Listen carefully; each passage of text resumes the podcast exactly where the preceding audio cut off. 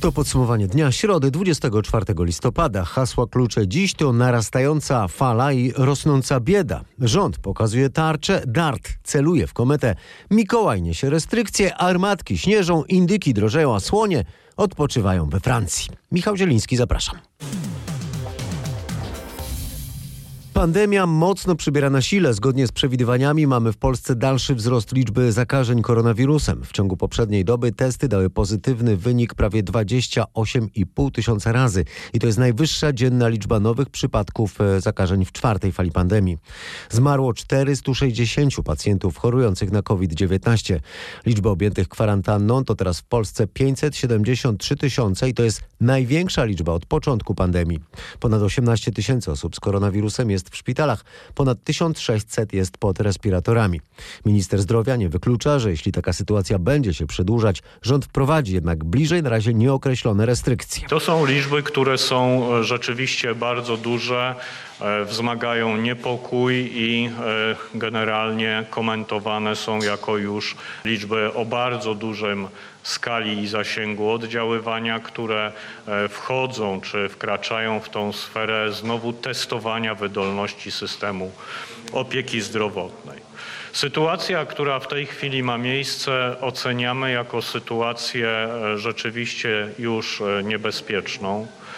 E, w naszym przekonaniu w najbliższym czasie, i mówię tutaj o perspektywie tego tygodnia bądź perspektywie tygodnia przyszłego, E, będziemy mieli do czynienia z apogeum e, tej czwartej fali zakażeń, czyli przewidujemy, że jeśli to jest kwestia tego tygodnia, to będziemy mieli ten średni poziom zakażeń w apogeum na poziomie około 25 tysięcy. Jeżeli byłaby to kwestia kolejnego tygodnia, no to oczywiście te liczby będą stosunkowo większe z przedziału 30-35 tysięcy. Według naszych prognoz ten scenariusz, czy te dwa scenariusze e, powinny oznaczać, że w kolejnych tygodniach będziemy obserwowali już spadki, ale oczywiście to jest scenariusz jeden z możliwych, bo pandemia już wiele razy nauczyła nas i e, pokazywała, że e, potrafi zaskoczyć, potrafi zaskoczyć swoim przebiegiem, swoją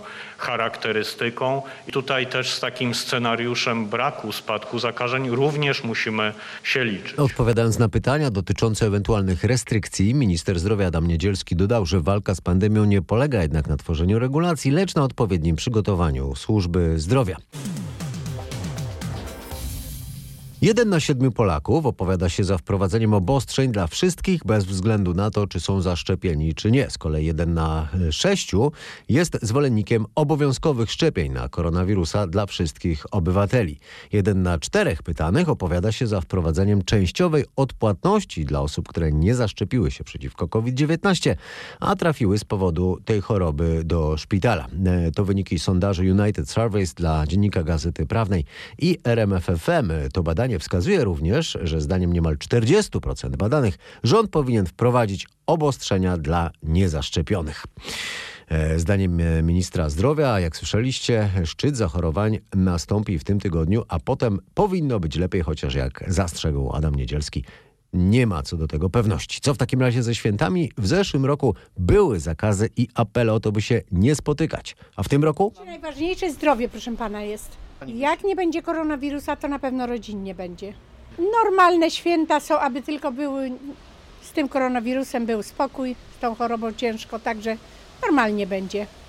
Jak, jak zawsze. Nie idę nigdzie na święta w domu sama z synem. Po prostu siostra ma małe dzieci i, i po prostu nie. No po prostu jest ta choroba i po prostu boję się chodzić. Ponieważ to podsumowanie dnia środy 24 listopada. Do Wigilii został dokładnie miesiąc, a do planów na święta wrócimy jeszcze w dzisiejszym programie.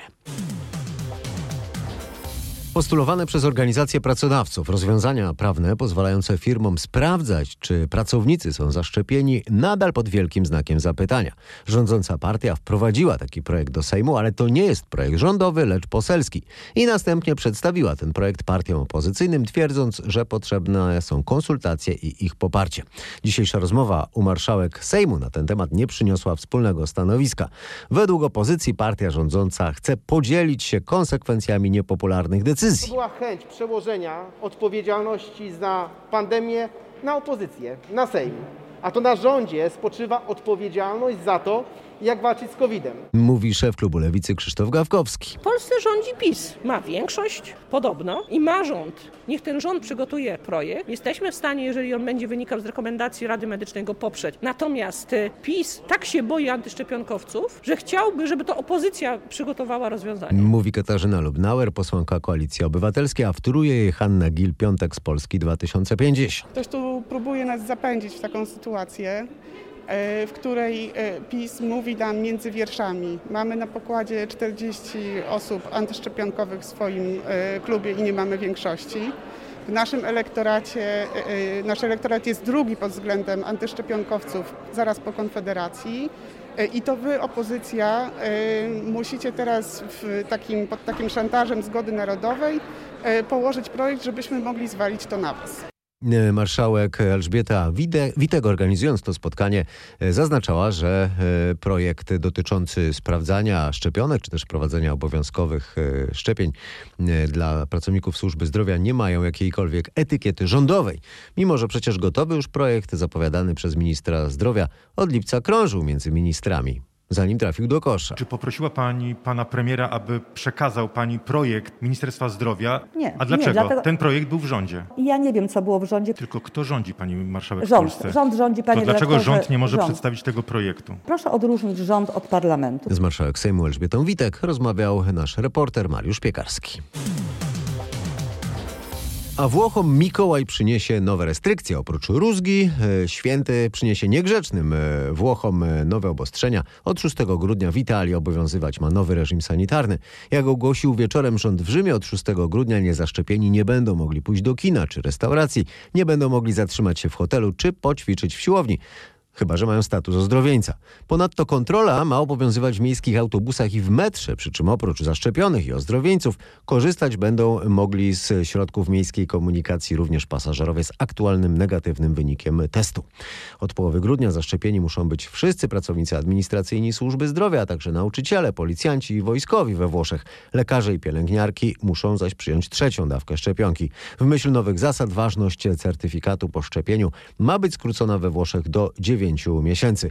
Dziś w liczących 60 milionów mieszkańców Włoszech odnotowano 12,5 tysiąca nowych zakażeń koronawirusem, a zmarło w ciągu ostatniej doby 85 osób. W Polsce w przeliczeniu na liczbę mieszkańców było ostatniej doby 3,5 raza więcej zakażeń i 8,5 raza więcej zgonów. Minął kolejny dzień, a rząd wciąż nie przedstawił zapowiadanych rozwiązań antyinflacyjnych. Premier zapowiedział tarczę antyinflacyjną mającą chronić przed drożyzną e, Polaków półtora tygodnia temu. Przedwczoraj uchylił rąbka tajemnicy, mówiąc, że planowane jest zmniejszenie podatków nakładanych na nośniki energii. Dzisiaj minister finansów mówił o tym, e, że szczegóły e, dotyczące tarczy inflacyjnej będą przedstawione być może już jutro. A wczoraj wieczorem jeszcze premier wykluczył wprowadzenie w Polsce maksymalnych cen paliw, czyli rozwiązania zastosowanego na Węgrzech. Mateusz Morawiecki dodał, że rząd planuje natomiast e, obniżenie swoich wpływów e, dzięki uzyskiwanych dzięki sprzedaży paliw. Będą to ruchy, które będą kosztowały po stronie budżetu nawet powyżej miliarda złotych, ale nie chcemy tego e, czynić poprzez nakładanie ograniczeń administracyjnych, tylko obniżkę pewnych komponentów składowych ceny paliwa. Jak się ma e, ta zapowiedź obniżenia składowych e, ceny paliwa i wpływów e, budżetu e, do wypowiedzi Jarosława Kaczyńskiego na antenie RMFFM? E, Lider PiS mówił o tym, że jest przeciwny obniżaniu dochodów budżetu.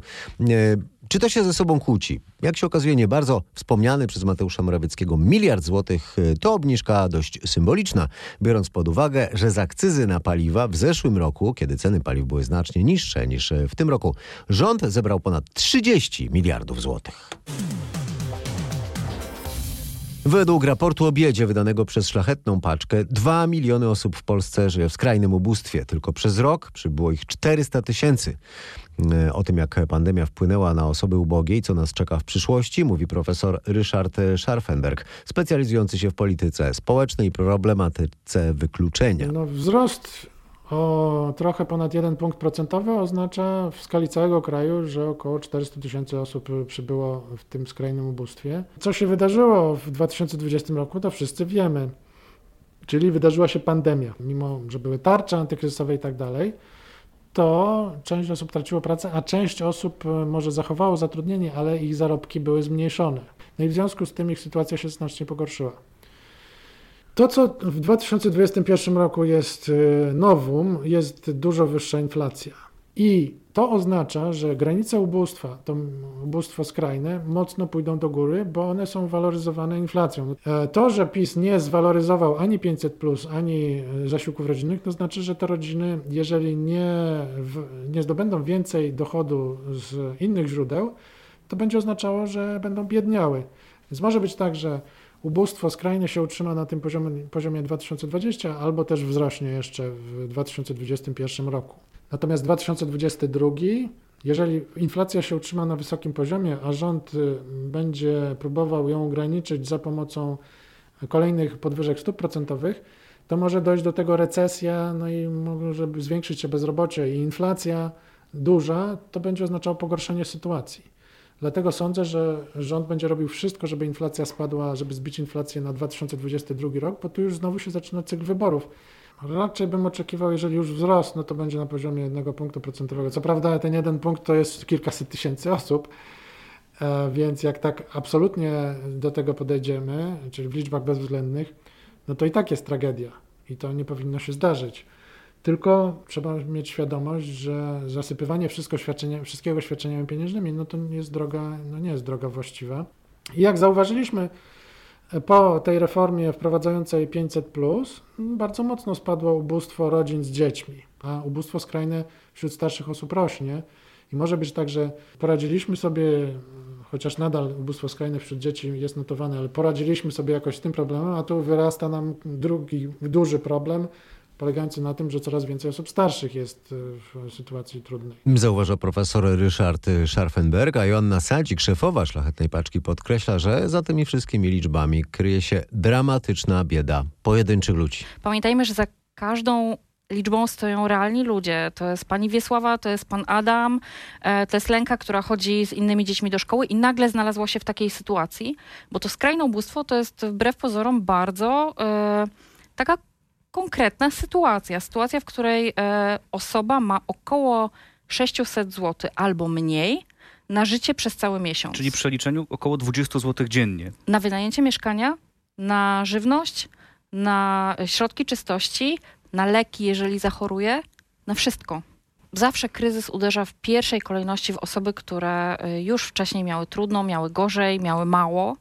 E, I to jest tak, że oglądając każdą złotówkę, jeżeli mamy 8 zł na wyżywienie e, w ciągu dnia i dla nich to, że ziemniaki zdrożały o 50 groszy, to jest tragedia, bo to oznacza, że e, te ziemniaki po prostu będą w domu rzadziej, a często te ziemniaki e, z jakimś tłuszczem to jest jedyny ciepły posiłek w ciągu dnia. Wzrost cen przed świętami będzie zatem szczególnie dotkliwy dla ubogich Polaków, no ale doświadczą go wszyscy. Borowik 1200 zł kilogram, a podgrzybek 450 zł kilogram. Susz 30-28 zł kilogram. Ogólnie z każdym dniem jak się coś kupuje, to jest coś droższe. To są duże skoki?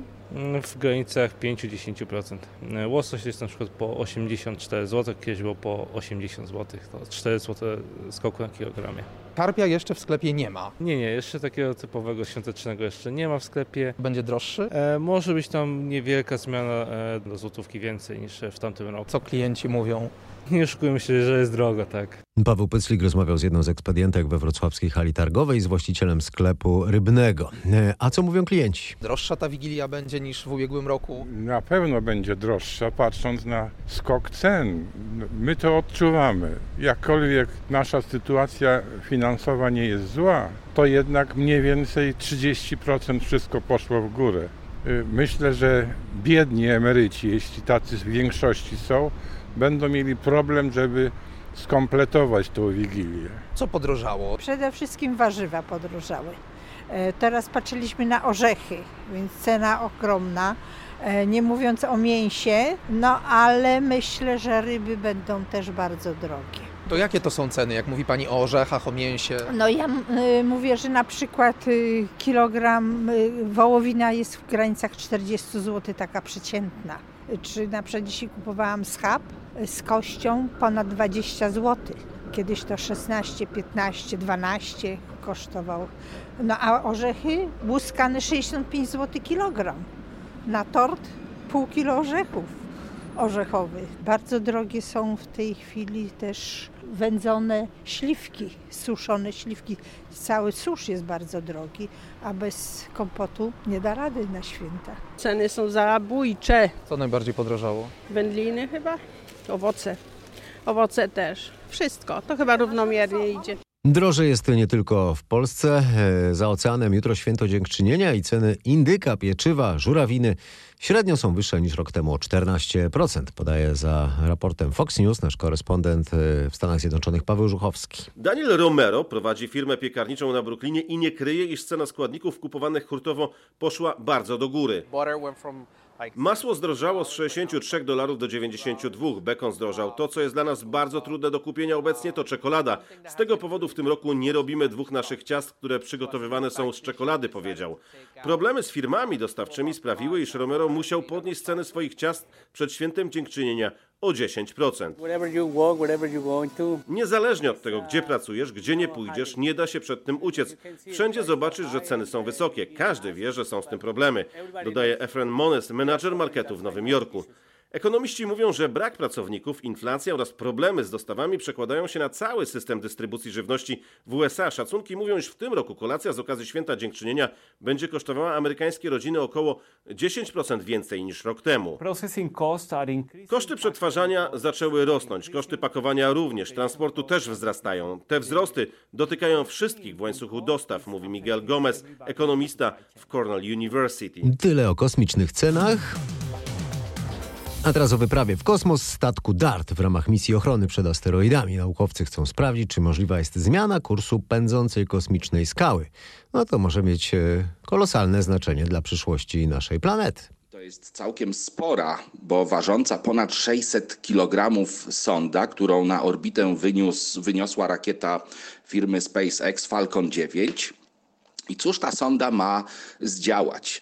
Ona po 10 miesiącach ma uderzyć w księżyc asteroidy Didymos. Ten księżyc to Dimorphos i Siła tego uderzenia ma spowodować delikatną zmianę trajektorii całego układu.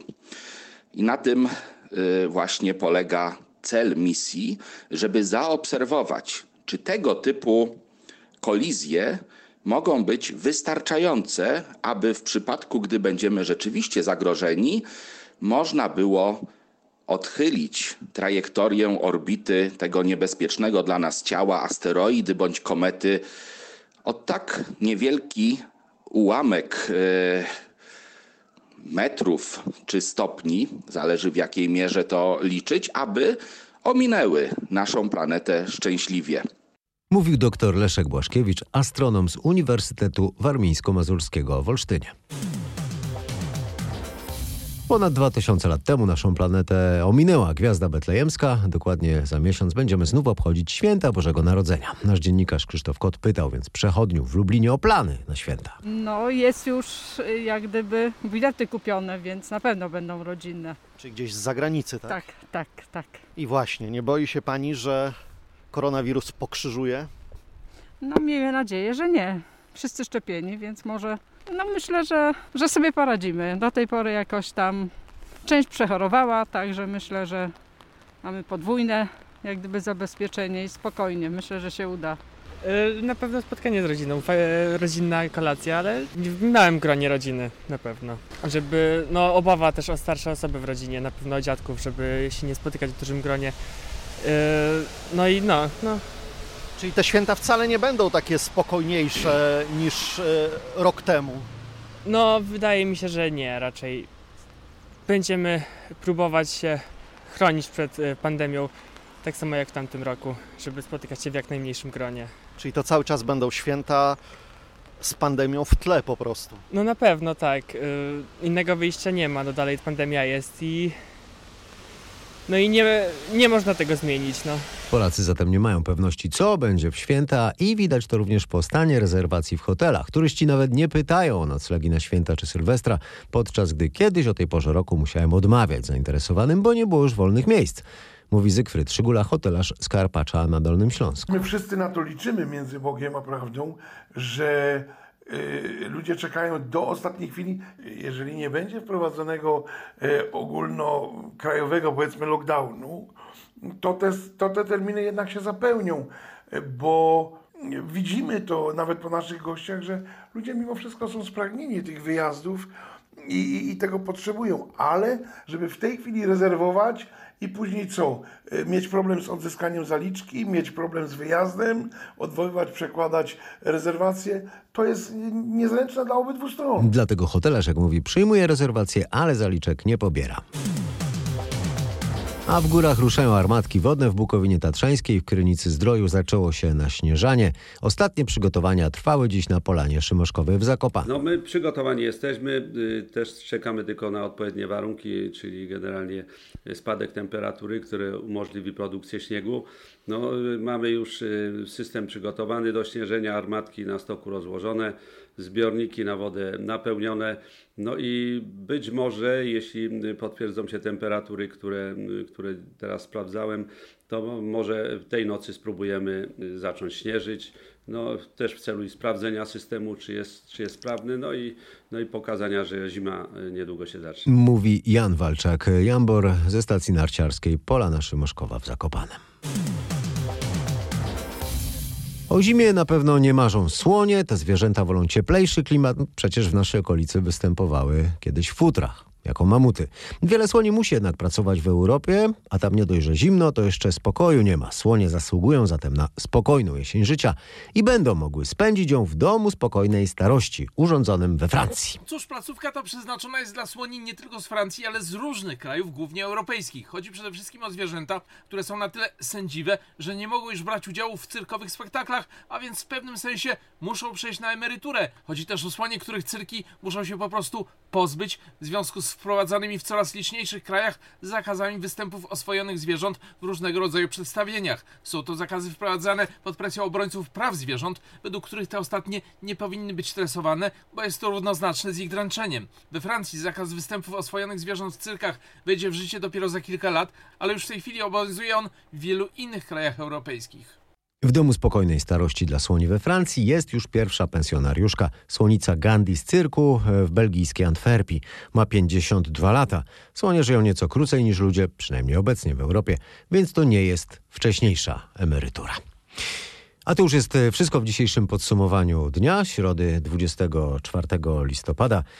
Najważniejsze i najciekawsze wydarzenia ostatnich 24 godzin przedstawiłem Wam w ciągu 24 minut. Michał Zieliński, zapraszamy na jutro. Kłaniam się i do usłyszenia. Też zasługuję na wypoczynek.